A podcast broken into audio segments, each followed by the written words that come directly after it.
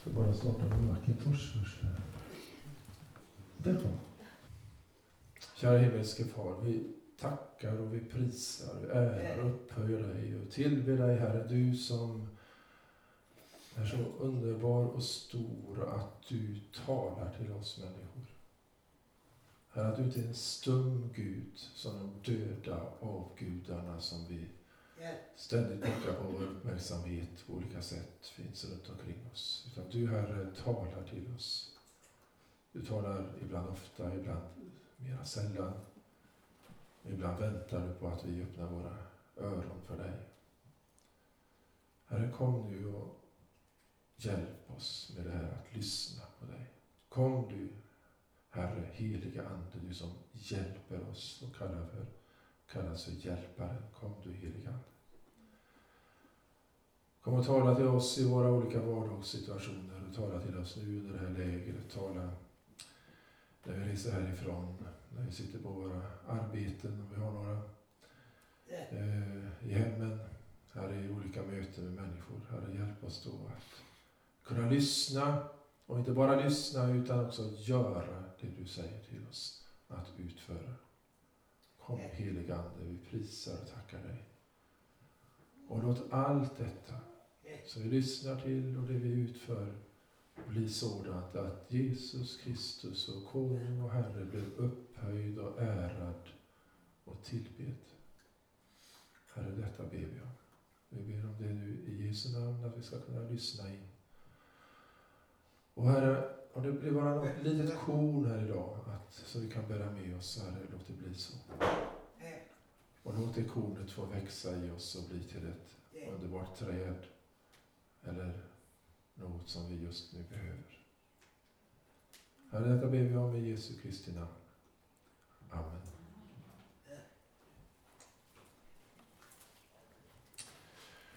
Den eh, beundransvärde Lasse Axelsson som för cirka 15 år sedan slog sina lovar runt vår vackra dotter Anna. Eh, han, och blev vår svärson alltså, eh, han ringde någon gång i höstas till mig och uppmanade mig att köpa en GPS till min iPhone. Alltså GPS, Global Positioning System, som det betyder. Och då förstår ni alla vad det är va? Alla vet vad GPS är va? Är det någon som inte vet vad GPS är? Eh, men i alla fall, det, om ni inte vågar räcka upp handen just för att ni är så generade för att ni inte vet vad GPS är för något, så är det alltså ett system då med satelliter som räknar ut var vi befinner oss. Om man nu har en GPS-mottagare. Och det är väldigt bra när man är på sjön och det är väldigt bra när man är ute och plockar blåbär. Och det är väldigt bra eh, för man undrar var ens barn är. Så att våran son Daniel, honom hittar jag var han än befinner sig för han har anslutit en sån grej till sin eh, iPhone, alltså en telefon. Och då kan titta på den så vet jag precis var han finns någonstans. I Stockholm. Mm, ja. Jo, det var det. Lasse Axelsson, ja. Nu kommer tillbaka till. Han var, tyckte att jag skulle köpa en, eh, en, eh, GPS till min iPhone-telefon då. För det var extra pris då. Eh, och då köpte jag en sån. Alltså där sitter det ju. Ja. Ja, ja. Är din vackra dotter. Ja.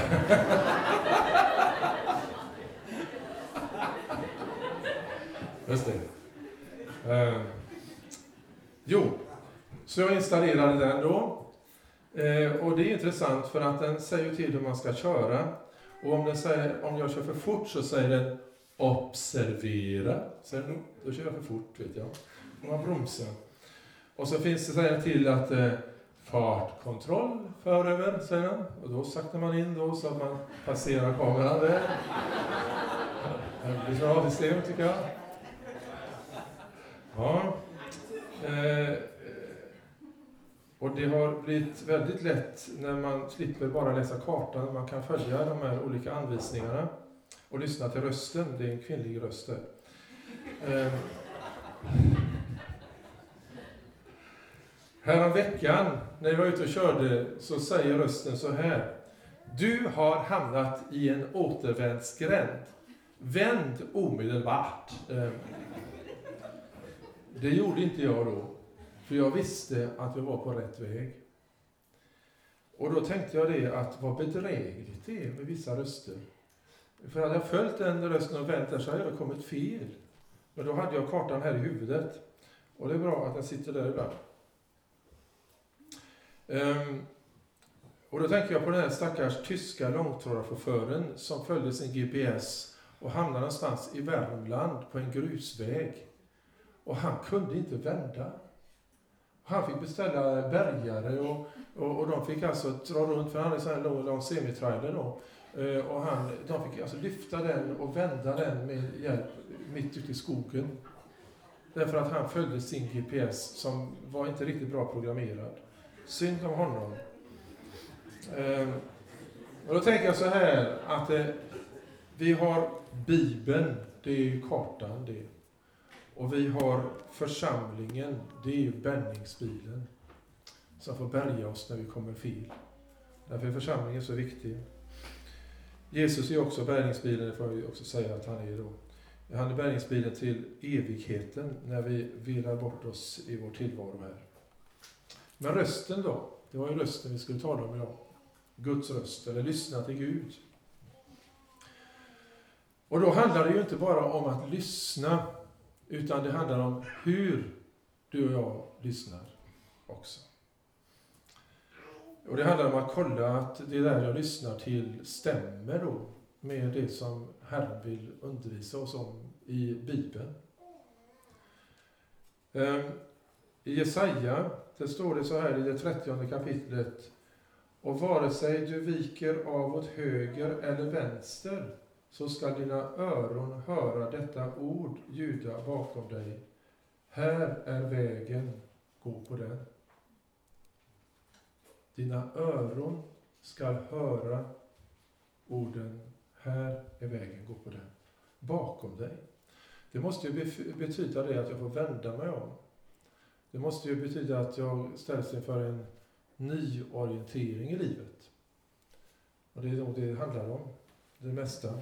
Att jag får orientera mig till honom som är vägen och sanningen och livet. Men man kan alltså höra Guds röst uh, tala.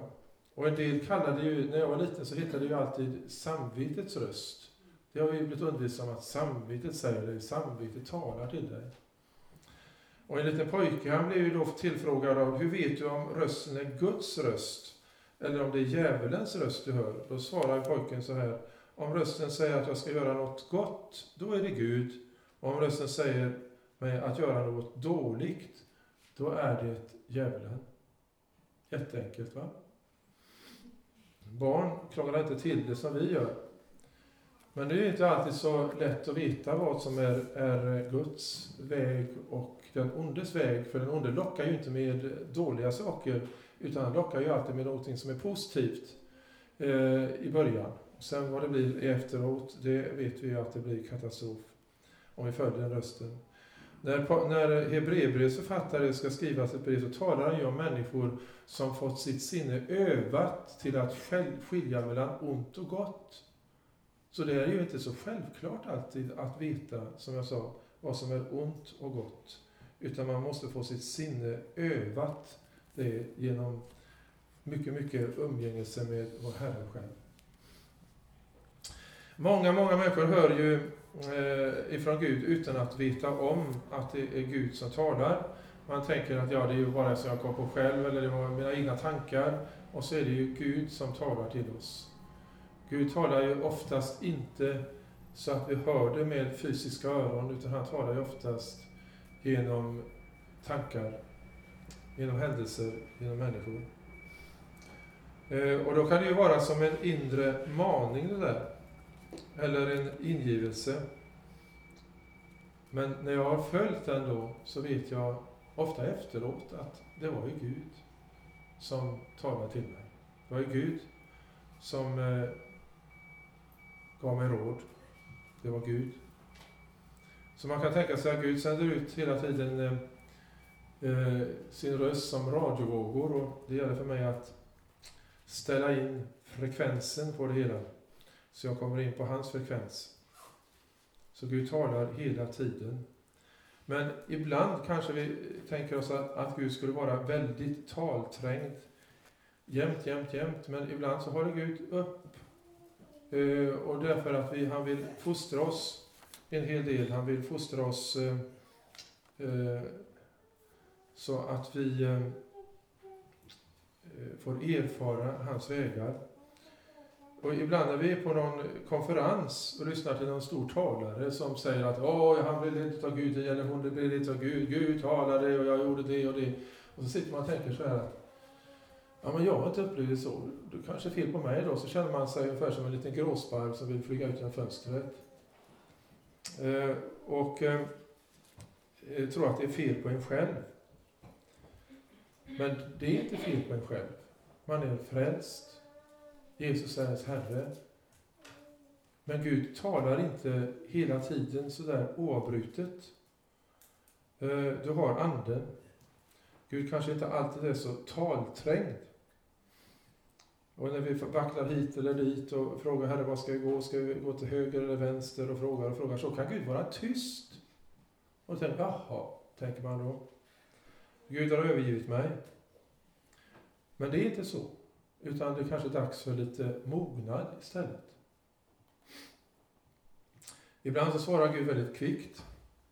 Och ibland så säger han saker som han inte önskade att han hade sagt. Men då är det ju för sent liksom. Efteråt. Gud har talat, men det där Gud vill jag inte att du skulle ha sagt. Men då liksom är det för sent. Och kanske ibland är det meningen att vi ska komma på svaret själva.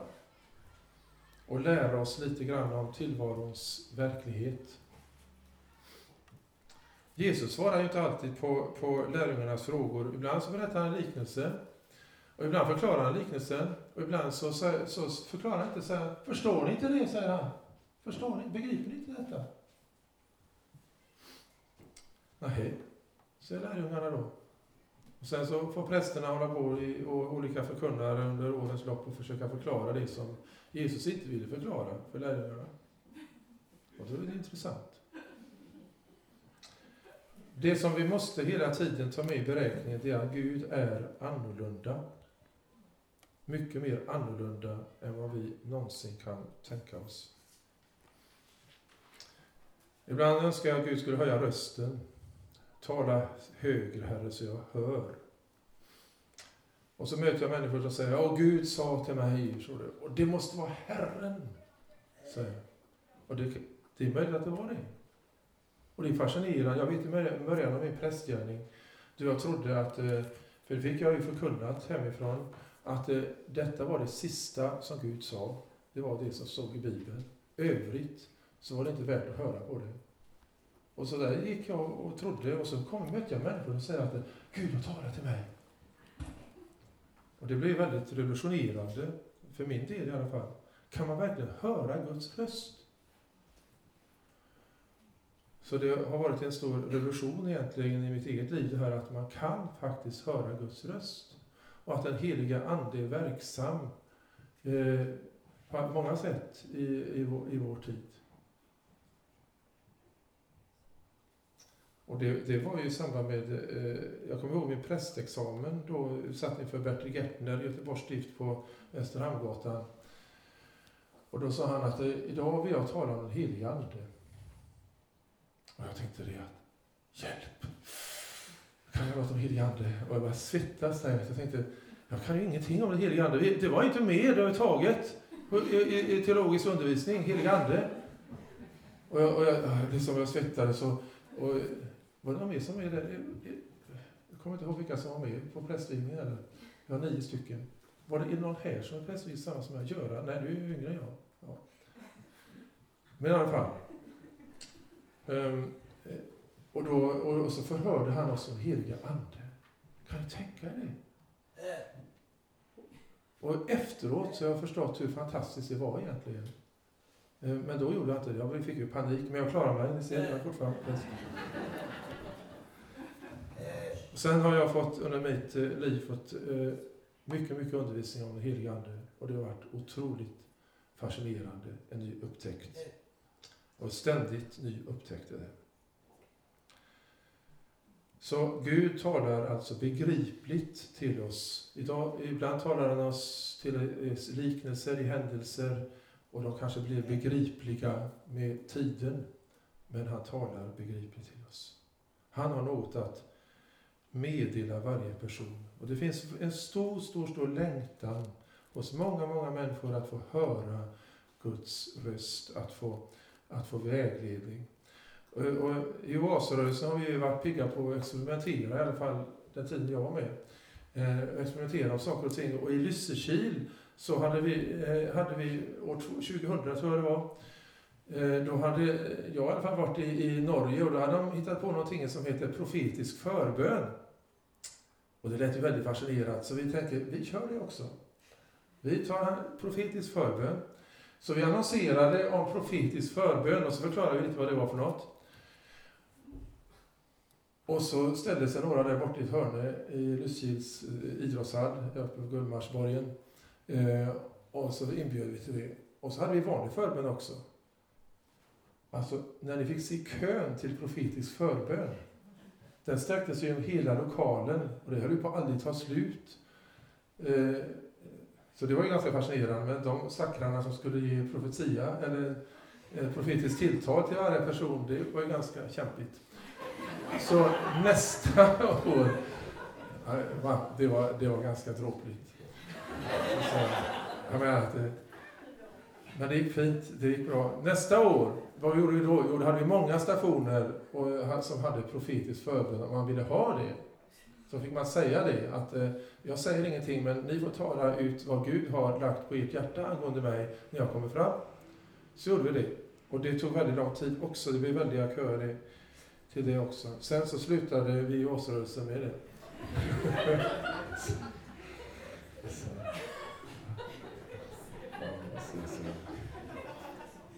Men ändå talar Gud profetiskt. Och det gör han ju i de här små bönegrupperna förstås.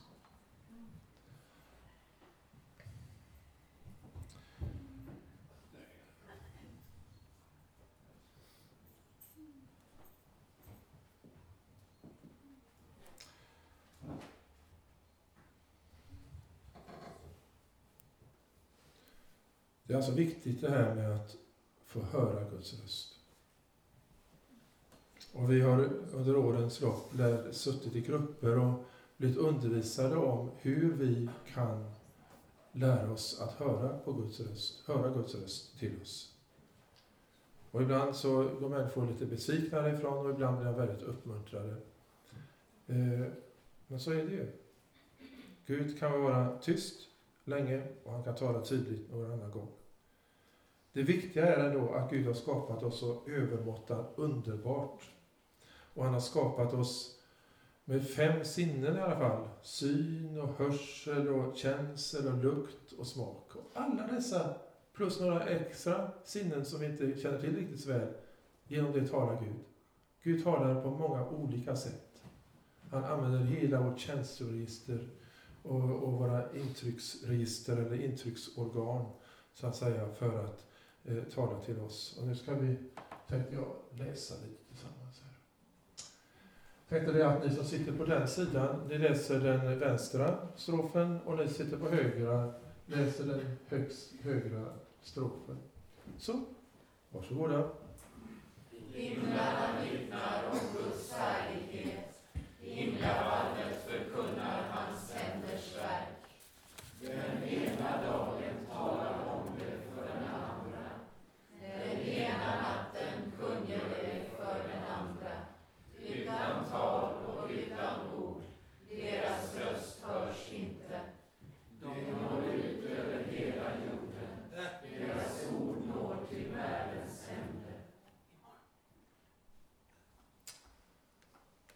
så Gud talar genom hela skapelsen.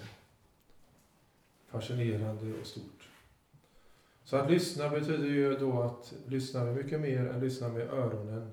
Hämta information kan man säga då, på olika sätt. Och jag tänkte, igår så läste vi om, om brödundret i Markus evangelium.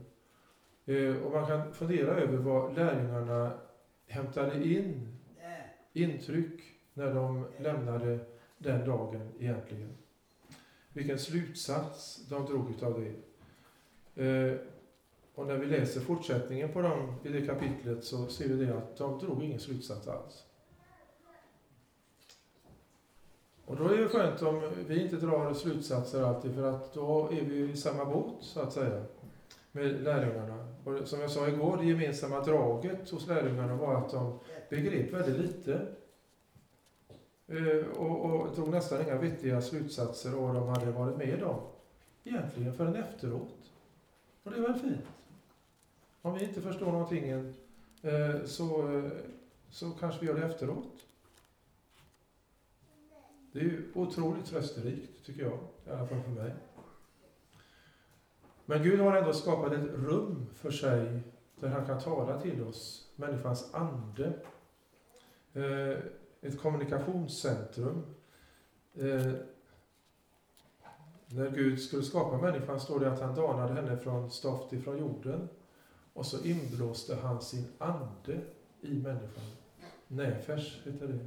Så han näfersade människan och på det sättet blev människan en levande näfers en person, en varelse som kunde kommunicera med Gud. Eh, ta emot det som är av Gud. Höra det, ta in det och leva ut det. Det är ju otroligt, helt fantastiskt. Det där med näfers eller den anden, det tror ju inte en del psykologer och vetenskapsfolk på, men jag gör det i alla fall. Eh, och ni också kanske. Och när Jesus säger i sitt ord att han har kommit för att han skulle bo hos oss, han talar ju om det i Johannes 14 kapitel. Ni i mig och jag i er. Var ska han bo då? Om inte i människans närfärs? I anden. Så fyller han ju hela ens kropp genom det förstås. I Gamla Testamentet där ser vi många gånger hur eh, det står Herrens ord kom till. Herrens ord kom till Hesekiel, Herrens ord kom till Jeremia, Herrens ord kom till Amos, Herrens ord kom, Herrens ord kom, Herrens ord kom, kom, kom. Det dräller av sådana påståenden. Och jag kommer ihåg då den mannen som med all säkerhet är hemma hos Herren nu, David Watson. När han låg på sin dödsbädd, han dog i cancer, ni vet, eh, så eh, om man intervjuade honom där, så säger han så här jag har aldrig hört Herren tala till mig.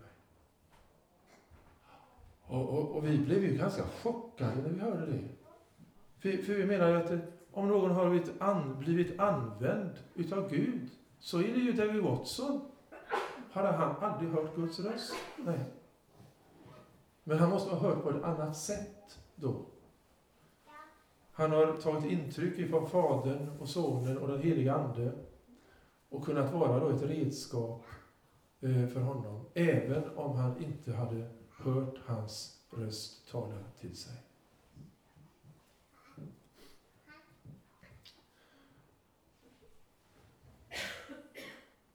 Själv är jag väldigt trög till att lyssna. Så ibland är jag blivit kallad att resa någonstans och, och hålla bibelhelg så får jag nästan panik. Du får tala vad du vill, om vad du vill.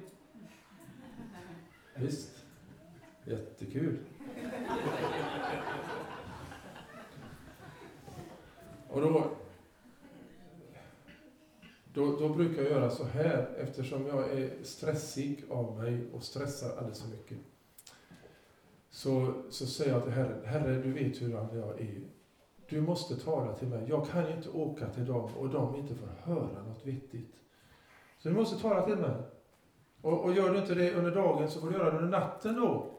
Du får tala till mig under drömmen, Herre. Och det har faktiskt hänt att han har gjort det. Jag, ska åka en gång till, eh, jag skulle åka en gång till Finland. Eh, och, och eh, uppe i norra Finland och ha bibelhelg där. Eh, ni la märke till det lilla skrytet nu. Hörde ni? Det lilla skrytet. Ja. ja. Eh, och eh, då, då sa jag till Herren, Herre, det är så här, de har inte gett mig något ämne. Du måste tala till mig. Och då gjorde Herren det mitt i natten. Han, han visade mig tre stycken bilder. Och jag vaknade just då, efteråt, så jag kunde skriva ner det. Så jag kunde komma ihåg det. Annars glömmer vi ju så ofta, eh, ofta eh, det som eh, man får i drömmen. Och ibland är det ju bara ett sammelsurium, det man drömmer. Så det är inte mycket att hänga upp. Men den gången gjorde Gud det. Och det var, det var faktiskt på pricken. Det var fantastiskt fascinerande. Så drömmen är också ett ställe där Gud vill tala till oss. Det är viktigt. Och vi kan ju be Gud om råd. Och herre, du får visa mig min väg. Gör det genom drömmen då. Och så, och så får vi se om drömmen nu kommer tillbaka flera gånger. Då är det ju någonting som Gud vill säga oss. Men ofta är det ju bara förvirrade tankar som kommer till oss på nätterna. Men då och då så, så gör han det. Men om ni umgås med människor från tredje världen, som vi kallar det, från Afrika och sådär, så ska ni inte gå och berätta om att jag drömde si och så på natten. Gör aldrig det. För att de tar det på absolut största allvar. Det kan bli hur tokigt som helst. Så ni kan inte, kan inte nästa dag när ni vaknar upp komma och säga till en afrikan så här att kan du tänka dig vad jag drömde i natt? De stillar till direkt och så tänker de, ja, säger de. Och så börjar de prata om det och be och jättefarligt. Gör inte det, jag har gjort det. Det blir väldigt besvärligt faktiskt, ska jag säga. Um, svenskar säger ofta, ja, det var ju bara en dröm. Hur lär man sig att lyssna då? Moder Teresa av Calcutta, hon fick ju frågan en gång utav någon reporter som var där och intervjuade henne. Hur lär man sig att älska som ni, du och dina systrar kan älska de människor som är samhällets bottenskrap? Då svarar Moder Teresa så här. Genom att älska. Punkt. Hur lär man sig då att lyssna? Svar? Tack. Så är det. Man lär sig att lyssna genom att lyssna. Genom att ha tid för det. Moses, Guds store, eh, Guds store profet, hade fått lära sig det. Men det fick han ju lära sig ganska chockartat i alla fall. Och ett av de finaste orden tycker jag som Moses fick skriva ner, det är det här ordet. Och vi ska läsa det tillsammans. Låt oss läsa. Hör Israel, Herren vår Gud, Herren är en. Och du ska älska Herren din Gud av hela ditt hjärta och av hela din själ och av all din kraft. Dessa ord som jag idag ger dig befallning om ska du lägga på hjärtat. Du ska inskärpa dem hos dina barn och tala om dem när du sitter i ditt hus och när du går på vägen, när du lägger dig och när du stiger upp. Du ska bilda den som ett tecken på din panna och de ska vara som ett band till åminnelse på din panna. Och du ska skriva den på dörrposterna i ditt hus och på dina portar.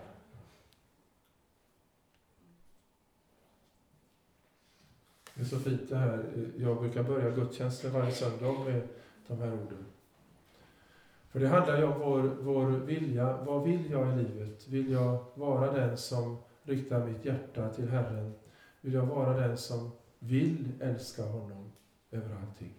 Och min medmänniska som mig själv. Det handlar ju om, vill jag lyssna? Vill jag då ta tid för det? Det handlar om en vilja. Och så säger vi genast då att eh, den viljan, den är inte mycket bevänt med. Nej, det är möjligt att det är så. Men vill jag och omtalar, talar om för Herren detta, att Herre, jag vill det, då säger Herren yes. När han säger, vad underbart, då kan vi göra något utav det. Det handlar hela tiden om vad, vad jag vill, och så får Gud träda till denna vilja och upplysa den och leda mig. För att vill jag så får jag också lära mig att förbereda tillfällen för det. Jesus säger att jag ska gå in i min kammare och be till min fader där i det fördolda. Så ska han som ser till det fördolda, i det fördolda bönhöra dig, så säger Herren. Jag får gå in i det slutna rummet. Och om det slutna rummet är ett slutet rum, ett fysiskt slutet rum, eller om det är någon annanstans där jag får ro för, min, för mitt sinne, så är det den platsen där Gud får tala till mig. På 70-talet, då vi var väldigt imponerade utav Jan Hishu och den församlingen som var i Seoul i Korea, då fick, man, fick Jan Hishu frågan av hur lär man sig att eh, lyssna på Gud? Och då säger Jan Hishu så här. För det första, då ska det vara ungefär som när du kör bil. Du ska lägga in friläget. Kör inte framåt, inte bakåt. Lägg in friläget. Och sen, sa han, när du står inför något som du måste ha vägledning i, då be Gud att rena ditt sinne. Från alla älsklingsidéer och favorittankar och från alla Satans frestelser. Alltså, Herre, rena mig i ditt blod. Fortsätt så, sa han.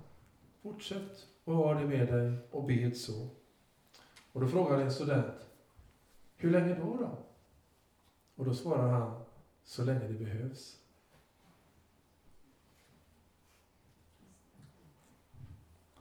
Tills friden kommer, säger han. När friden inträder och du har en tanke eh, att friden uppfyller dig, Guds frid, som övergår allt förstånd, då vet du att du är på rätt väg, säger han. Men även om man ibland då får konkreta uppmaningar, gör si, gör så, så behöver Gud ibland stoppa oss. Och jag tänker på missionsbefallningen i, Johan, i Matteus 28, där Jesus säger gå ut i hela världen, gör alla folk till lärjungar. Döp dem i Faderns, Sonens och Helige Andes namn och lär dem att hålla allt vad jag har sagt till er. Och jag är med er alla dagar.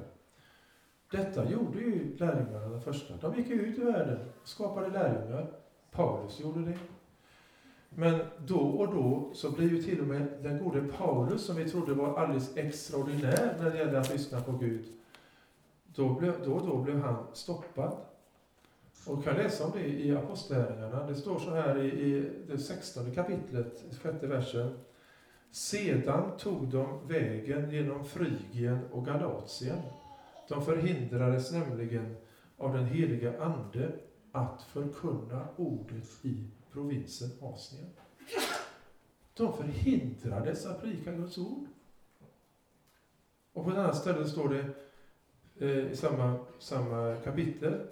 Och när de hade kommit fram emot Mysien försökte de att fara in i Betinien, men det tillät inte Jesu.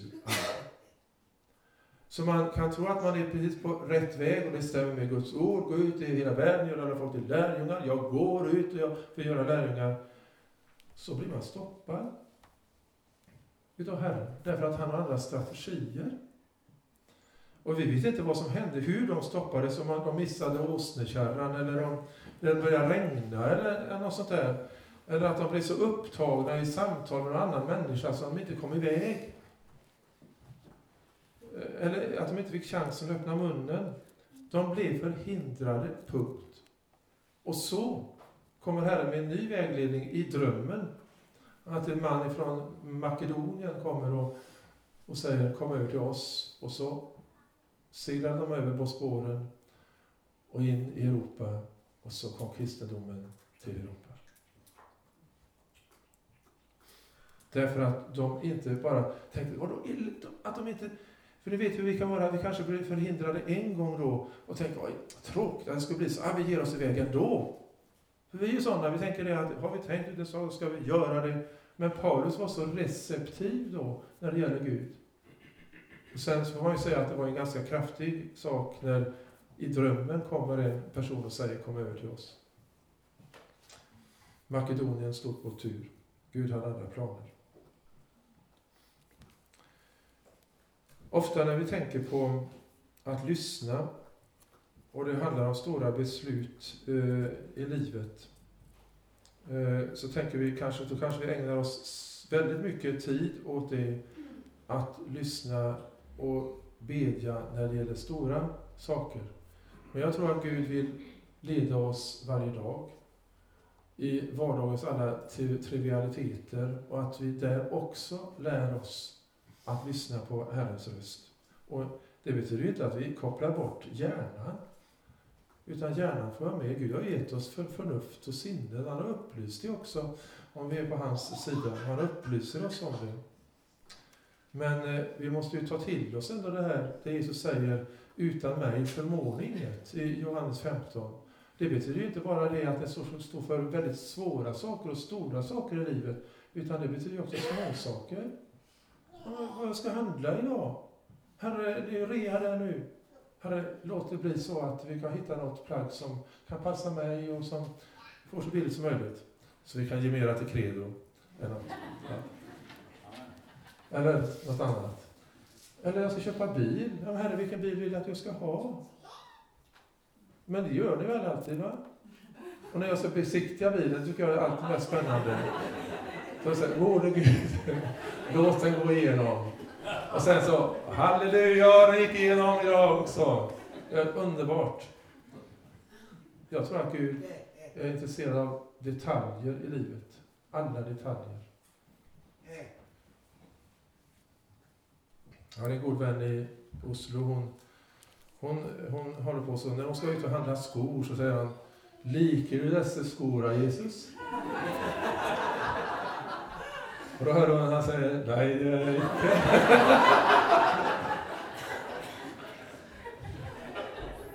ja, det är fantastiskt.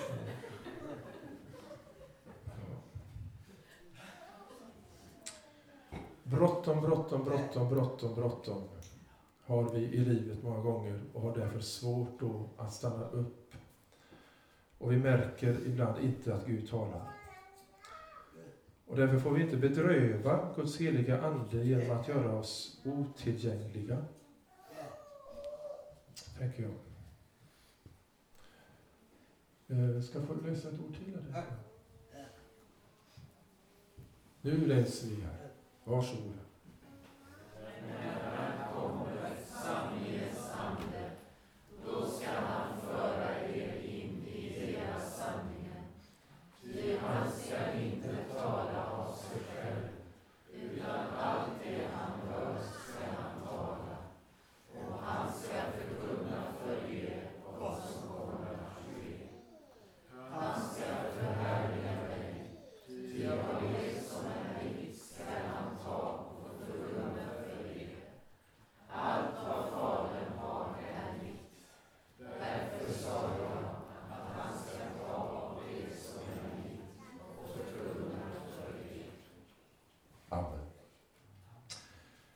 Så säger Jesus. Eh, och poängen är ju det här att Gud ska bli förhärligad på något sätt i våra liv. Gud ska bli förhärligad. Och Guds tal och Guds röst till oss genom Anden är ju alltid och ska ju vara enligt Guds ord så att Herren själv blir förhärligad i våra liv. När Gud talar till oss så talar han oss i rättfärdighet, han talar oss, till oss i renhet. Han talar till oss i kärlek. Så att han vill forma vårt sinne. Så att Andens frukter, eller Andens frukt, kan växa där. Det är det som står i Galaterbrevets femte kapitel. Kärlek och glädje och frid och uthållighet och tålamod och allt sånt. Guds väg är fullkomlig, står det i Psaltarens 18 psalm. Herrens tal är rent och han är en sköld för alla som flyr till honom. Så när Gud talar till oss så uppmanar han ju också oss att göra gärningar, gärningar som ska göras och är, göras i kärlek. Och som jag sa då, som Jan Guillou hade talat om, att Gud vill att vi ska söka hans frid. Och han vill ge oss sin frid. Det står i årsbokens tolfte kapitel. Det som främjar frid får glädje. Och saliga är det som skapar frid. De ska kallas Guds barn. säger Jesus i Matteus 5. Så det handlar om, vad vill jag i livet? Vill jag låta mig ledas utav Jesus? Jo, det är klart jag vill. Och vill jag det så får jag be helige Ande om, om kraft att göra det och tillfälle, tid att få göra det. Och plötsligt så uppstår det tider och stunder då jag kan göra det. Och då får jag ta emot det då. Och stilla mig. Höra. Herre, är det du? Så säg vad du har på hjärtat. När man hör Guds röst, då känner man också väldigt glädje och gemenskap med Herren. Så Gud är inte stum. Han talar, han talade så att jorden blev till. Han talade till Abraham, han talade till, till Mose, till Samuel. Hela Bibeln har Guds uttalade ord. Det är alltså livsviktigt för Gud att tala. Redan innan världen blev till och universum skapades så talade Gud. Och han talade ut sitt ord där, sin son Jesus Kristus. Redan då. Skapad, inte skapad, född. Före tidens begynnelse. Så Jesus är Guds uttalade ord till oss. Och man kan tänka sig att hela världen håller andan när Gud skapade världen med sitt ord. Talade ut och så blev det. Och ju mer och mer vi kan och förstår och ser om hur Gud, Guds uttalade ord, ju mer fascinerade blir vi. Fantastiskt.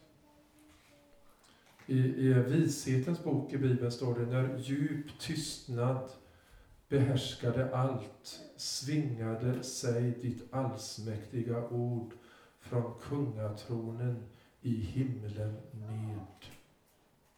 Så står det. Vishetens bok, 18 kapitlet. Man kan fråga sig då var denna tystnad har tagit vägen. Nu när inte man ens kan, när man är ute och joggar, kan eh, lyssna på fågelsång och krafset ifrån skorna, utan måste ha hörproppar och någon iPod, iPod heter det. Eh, och höra, höra på någon, var det musik eller någonting. Och så är man ute och springer i Guds vackra natur. Det är väl märkligt, varför gör ni så? Jag springer ju aldrig förresten, men, men ni andra. Varför gör man så? Jag vet inte heller. Det är klart, om man har ett fint bibelföredrag så kan man ju... Men, men eh, jag förvånas för det. Att eh, när man är ute och joggar, då ska man ha öronpropparna på sig. Springa. Jag tror att Gud vill tala när man är ute och joggar också. Vart har tystnaden tagit vägen, kan man fråga sig. Vem i vår tid vill vara som Maria, som lyssnade till Herren? Alla, många vill tala, vem vill tystna? Lyssna. Så vi kan alltså sluta ihop det här idag då med att Gud talar på många olika sätt. Han talar förstås inom Bibeln, den heliga skrift. Han talar genom att samverka med oss. Impulser, tankar, ord, som man inte, intryck som man inte blir av med. Och då får man ju ändå säga det till Herren att Herre, vad vill du säga genom detta? Vi får ha uppmärksamhet för det finns så mycket som pockar på vår uppmärksamhet i vanliga fall. Och tendenser i tiden. Jesus säger att mina får lyssnar till min röst och jag känner dem. Och jag följer dem.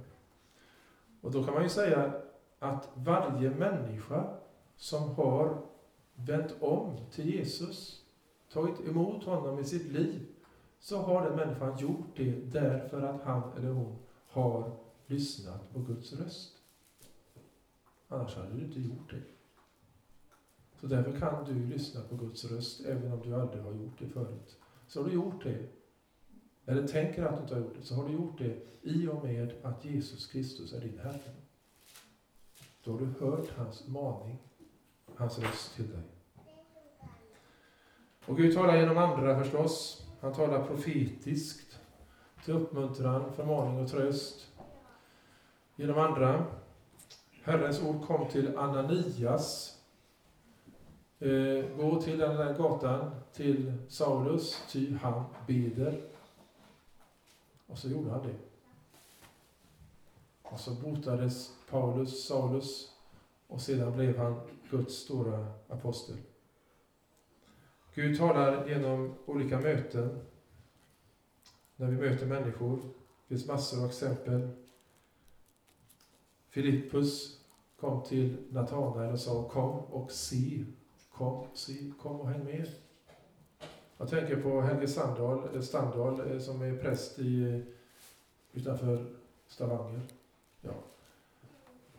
Han, han och hans grupp grupp de bildade en församling i ett nybyggt område där.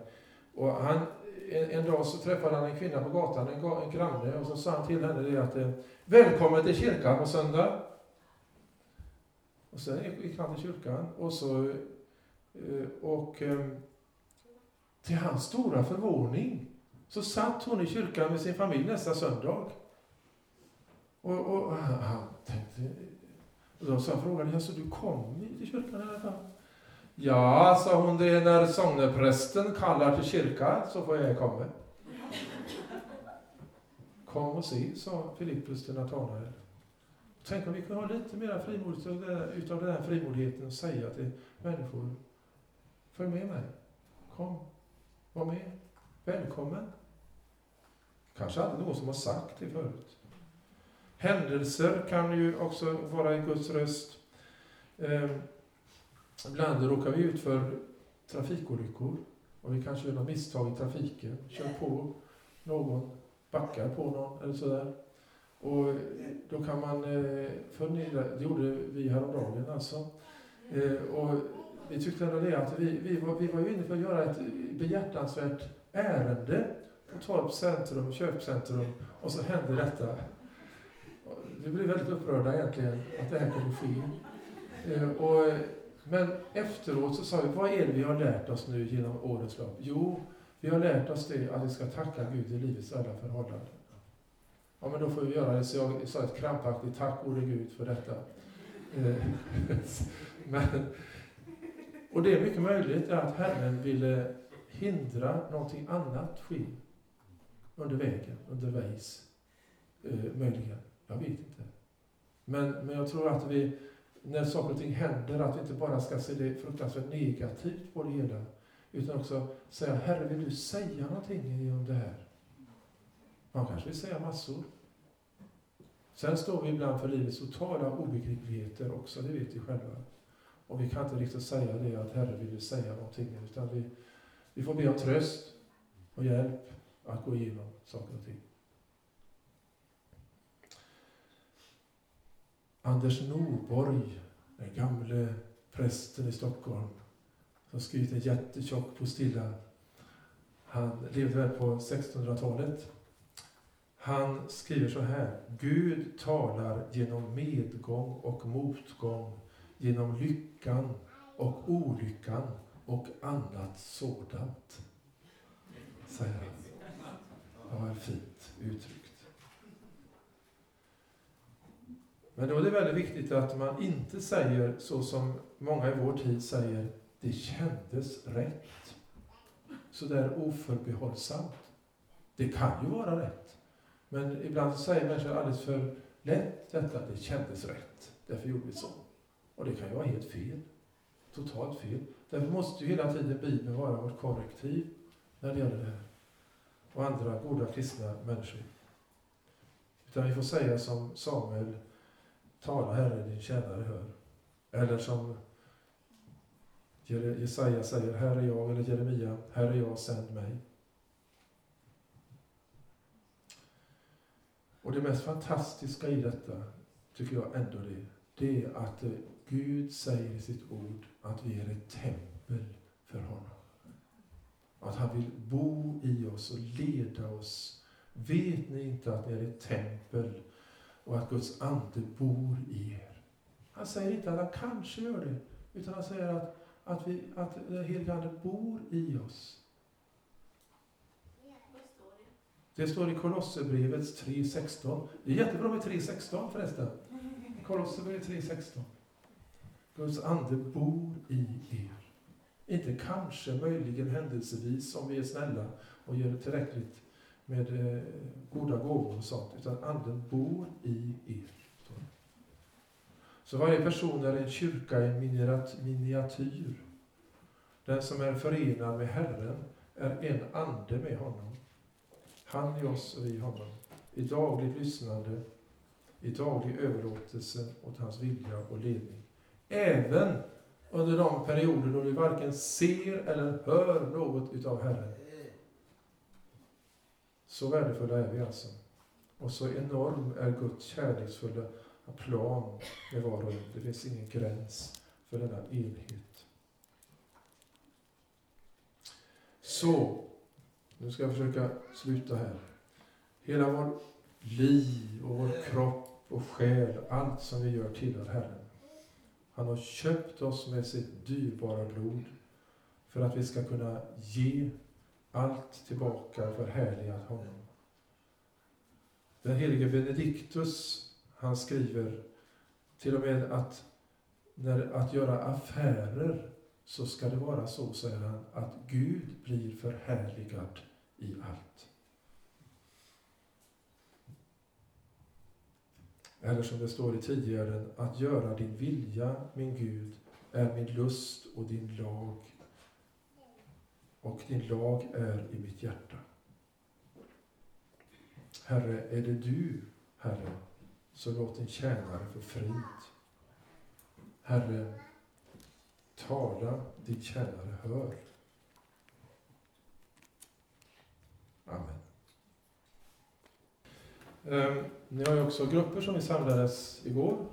Eh, och det är ju helt frivilligt om man vill göra det. Eh, det är också frivilligt idag om man vill vara med i en grupp idag också. Eh, och också frivilligt om man vill vara med att ja, försöka lyssna in Guds röst till gruppen. Låter det farligt? Fascinerande? Kanske. Ehm, och eh, om man vill det så vill jag ge, ge lite instruktioner för det. Ehm, jag har varit med om det en del gånger och det är den här lite också lite halvtokiga prästen Bruce Collins från England som hittar på sådana saker. Ehm, och det är faktiskt väldigt fascinerande tycker jag. Och det går till följande. Jag ska ta fram det här. Eh, man sitter i sin grupp. Eh, man ber om den heliga Andes närvaro i sin grupp. Och så mitt i gruppen, där man sitter, sätter man en stol och där sätter sig en frivillig person. Eh, och så sätter man sig där och så ser man på den personen i, betraktar den lite, ja, någon minut sådär. Man kan också göra som punkt två säger då, bed dem att lägga händerna på den och be att den helige Ande uppfyller honom eller henne och frigöra de profetiska gåvorna i gruppen. Det kan man också göra. Eh, men eh, om man inte vill det så kan man låta bli. Det viktiga är att man ber om Guds heliga Andes närvaro att Gud frigör de profetiska gåvor som redan finns i gruppen. Eh, och sen kan man vänta i tystnad i två minuter. Man kan titta på personen i eh, två minuter kanske, eller en. Det är inte så väldigt noga hur lång tid det tar. Eh, eh, och sen kan man fråga sig inom sig då, då kan man blunda. Herre, vill du, vad vill du säga om den här personen, honom eller henne? Vilka gåvor av den här personen? Är något som du vill säga eller uppmuntra henne till? Är det någonting nytt som du vill leda honom eller henne in i? Så kan man fråga sig, man kan blunda och fråga sen om Gud har något han vill uppenbara för dig. Och du kan hålla ögonen öppna också, det går bra. Eh, det handlar inte om det om man tittar eller inte. Utan det handlar om om man är lyhörd för vad Gud vill säga. Eh, och när man eh, förnimmer någonting inom sig, man kanske förnimmer en, en man ser en bild kanske, Eh, man kanske kommer att tänka på ett bibelord, man kanske kommer att tänka på en sång, eller en psalm, eller en situation eller sånt där. Då skriver man ner det. Och sen så berättar man för den personen som suttit där eh, vad de hade uppfattat. Och så frågar man då eh, om det stämmer eller inte stämmer. Ja. Ehm, och sen så ber man för den personen. Ehm, och sen så tackar man Gud för att han har gett genom gåvor där. Det tar en stund det här. Är det någon som varit med om det förut? Ja, men ser man på det, det är ju fulla där. Eh, men varför vi gör det här, det är inte bara därför att vi ska drabbas av någon slags experimentlusta. Man experimenterar inte med Gud. Men det handlar om att ge oss frimodighet att tro att du och jag kan höra Guds röst för andra människor. Och då vet ni vänner, då är det också en viktig, viktig, viktig eh, eh uppmaning här.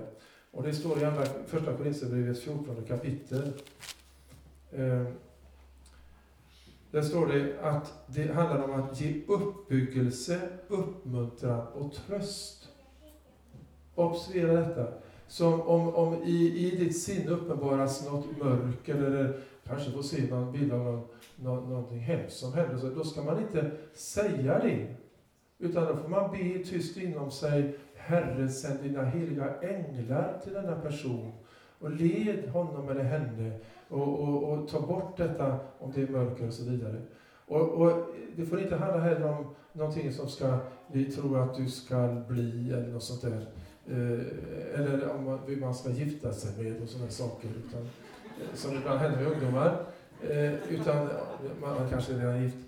Eh, utan det handlar inte om sådana förutsägelser, utan det handlar om att bygga upp, uppmuntra och trösta sådana saker. Tröstens ord, uppmuntrans ord, ehm, eh, uppbyggelsens ord. Det är det det handlar om. Som sagt var, helt frivilligt. Jag har varit med många gånger. Det är helt fascinerande vad Gud kan tala genom en stackars hjärna som jag och andra människor. Ibland så får, får en person ingenting alls och det blir lite turbulens i gruppen. Då får vi säga, bättre lycka nästa gång. Det är inget värre än så. Det är ingen, för, ingen fördömelse. Det finns ingen fördömelse i Jesus Kristus. Det finns ingen fördömelse. Och det är viktigt att säga. Det beror inte på att någon, någon människa är sämre än någon annan. Utan alla har Guds heliga Ande som tror på Jesus Kristus. Eh, och, och den heliga Ande arbetar på många olika sätt. Och jag, nu får jag berätta en gång, jag var med i en sån här grupp. Då, då var det en person som satt hela tiden och sa ”Jag har ingenting”. Och det var, alltså vi satt runt och, och så skulle var och en meddela sig. Och det var en person som sa hela tiden ”Jag fick ingenting”. Och, då, och, och hon blev så, kände sig så fördömd på något sätt att inte de andra berättade och jag såg det, jag fick det bibelordet och hon fick ingenting. Och så kom vi till sista personen vi skulle be för. Och då när, när jag satt i gruppen så tittade jag på den här tjejen som sa då att hon aldrig fick något och så får jag se ett leende och då säger jag, du fick något. Ja, sa hon. Halleluja, sa vi. Och det var bra. Ehm, som sagt var, som en uppmuntran och en, en liten hjälp till att eh, Gud kan tala till dig och för andra. Och för att vi någon gång i våra svenskkyrkliga och EFS-sammanhang skulle kunna få profetian att fungera i gudstjänsten någon enstaka gång och inte bara att prästens predikan ska vara det. Utan var och en Gud har sagt att vi ska söka ivrigt Andens gåvor och särskilt profetians gåva. Om man säger så, då måste han mena det också. Inte bara ord. Eller hur? Nu ska vi sluta och ska jag be. Kära Herre Jesus Kristus, nu tackar vi dig för den här stunden. Nu ber jag dig att du utgjuter ännu mer av din heliga Ande över denna församling, också för barnen och barnledarna och alla som har hand om dem där borta, Herre. Vi ber att du utgjuter din heliga Ande ännu mera än du har gjort hittills, Herre. Vi ber om denna ynnest, Herre, om din heliga Andes utgjutande och smörjelse över detta. Vi ber att du frigör de andliga gåvorna och särskilt då profetians gåva till uppbyggelse, tröst och uppmuntran.